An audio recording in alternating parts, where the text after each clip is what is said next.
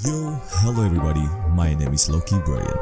Welcome to Chill Podcast, and this is Lazy Monday. Yo, this is Lazy Monday. Uh, hari di mana kaum kaum rebahan males banget ketemu sama sinar matahari. males banget bawahnya. Dan tema kali ini gue pengen ngobrolin gondrong ya dari awal hingga detik ini. Hmm, jadi untuk kalian semua mungkin di sini ada yang bertanya-tanya atau juga uh, kepo gitu atau ada yang belum tahu juga. Gue akan jelasin dari awal hingga akhir. Nah, rambut gondrong, rambut gondrong itu dasarnya bisa dipandang dari dua sisi nih, dari sisi biologis dan sosial. Jadi, zaman dulu ya, laki-laki yang berambut gondrong mempunyai nilai tersendiri dari status sosialnya dan membuat gondrong bisa dianggap sebagai simbolisasi gender. Nah, ini dari sejarawan Anthony Reid menyatakan Asia Tenggara pada kurun waktu 1459 hingga 1680 memiliki tradisi memanjangkan rambut pada zaman itu. Nah, dimaknai sebagai simbol kekuatan dan kewibawaan seseorang. Jadi selain sebagai simbolisasi gender dan spiritual, di masa-masa selanjutnya rambut gondrong pada pria menunjukkan simbol ideologis. Nah, ini dalam buku Dilarang Gondrong yang ditulis dari yang ditulis Arya Wiratma Yudhistira menjelaskan bagaimana sebagian besar anak muda kelas menengah perkotaan di awal Orde Baru dilanda demam hippies, hippies atau hippies ya, di antara dua itulah sebagai perawanan budaya. Nah, budaya hippies ini sebagaimana dalam tubuh sosial adalah gerakan sosial pada tahun 1960-an yang diciptakan oleh orang-orang hippie. Gerakan ini melakukan perlawanan secara simbolik melalui manik-manik, sendal, dan jeans sebagai lawan bagi pakaian konvensional. Bede.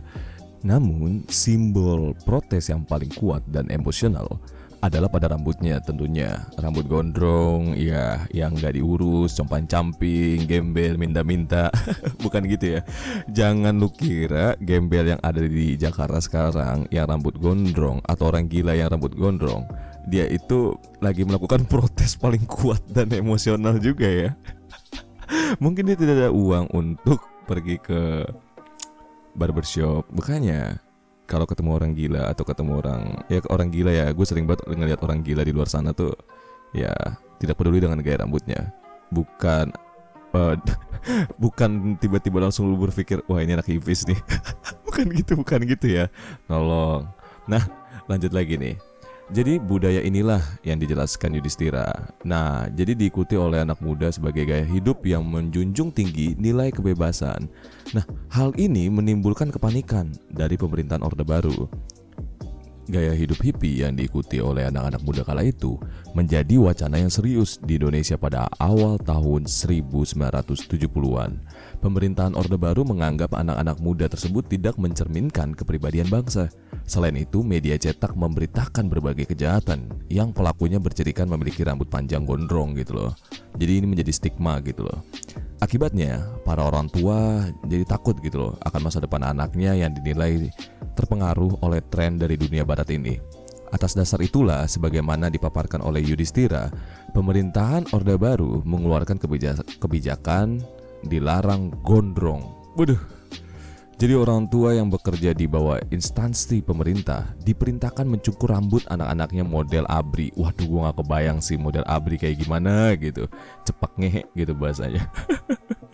Razia rambut gondrong yang dilakukan oleh Taruna Abri berlangsung di berbagai tempat, khususnya di kampus-kampus.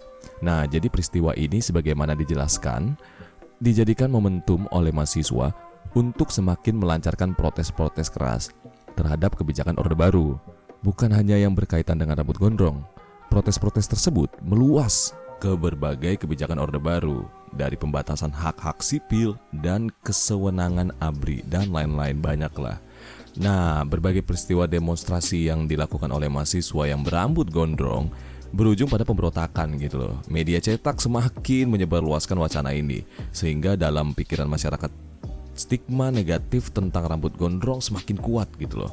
Namun, momentum ini juga sekaligus menandai perlawanan ideologis mahasiswa dengan rambut gondrongnya yang terus berlanjut. Melalui model rambut gondrong, simbolisme maskulin laki-laki yang ditunjukkan dengan kekuatan dan kewibawaan sejak masa lalu, di masa itu dipadukan dengan simbolisme ideologis. Perlawanan yang dilakukan mahasiswa berambut gondrong mencapai titik terang di akhir milenium abad ke-20.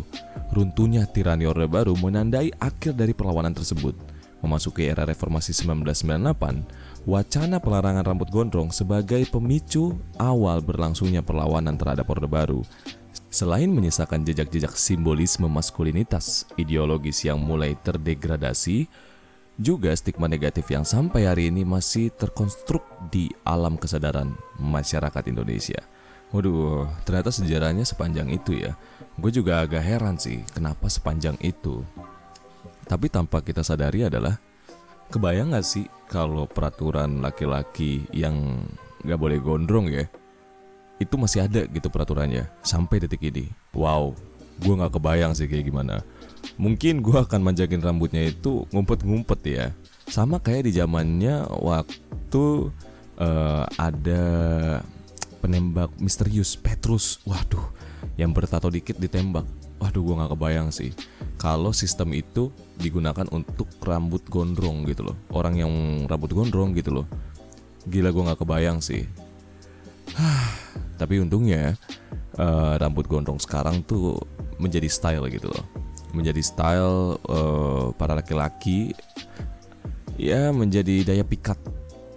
Dan mungkin mahasiswa-mahasiswa zaman sekarang itu masih ada yang rambut gondrong juga gitu loh. Masih mengikuti leluhurnya gitu untuk um, memberitahukan bahwa uh, kebebasan itu kita perlu gitu loh. Kata kebebasan gitu loh. Karena kata kebebasan menurut gue itu uh, ada adalah hal yang susah gitu loh. Dan mungkin tidak tidak akan ada gitu loh kata kebebasan di dalam dunia ini gitu loh. Waduh berat banget sih pembicaranya. Nah mungkin ya gue pengen ngomongin gondrong gue aja deh. Kayak manjangin rambut itu tuh lama capek dan pegel bahasanya. Karena harus ngerawat rambut banget harus ya gila men. Empat tahun loh men. Wah pokoknya ribet deh. Tapi enak aja gitu ending-ending ya. Enak aja gitu. Tapi akhirnya di tahun ini gue udah memutuskan untuk memendekkan rambut saya. Mungkin nanti di tahun depan atau di tahun berikut berikutnya gue bakal manjangin rambut lagi sih. Karena uh, kata kebebasan itu loh dan ideologi gue juga ya hampir sama dengan yang kayak kaum hippie mungkin ya. Mungkin ya. Mungkin nih.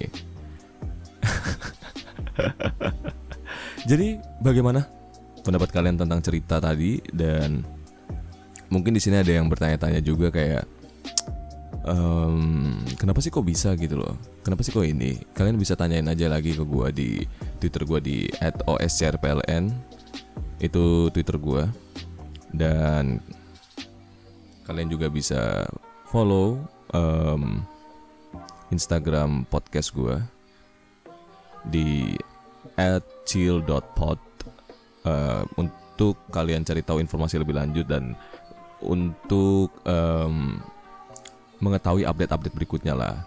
Jadi jangan lupa ya untuk follow. Dan jangan lupa untuk follow um, Chill Podcast ini di Spotify ini untuk biar tidak ketinggalan gitu loh.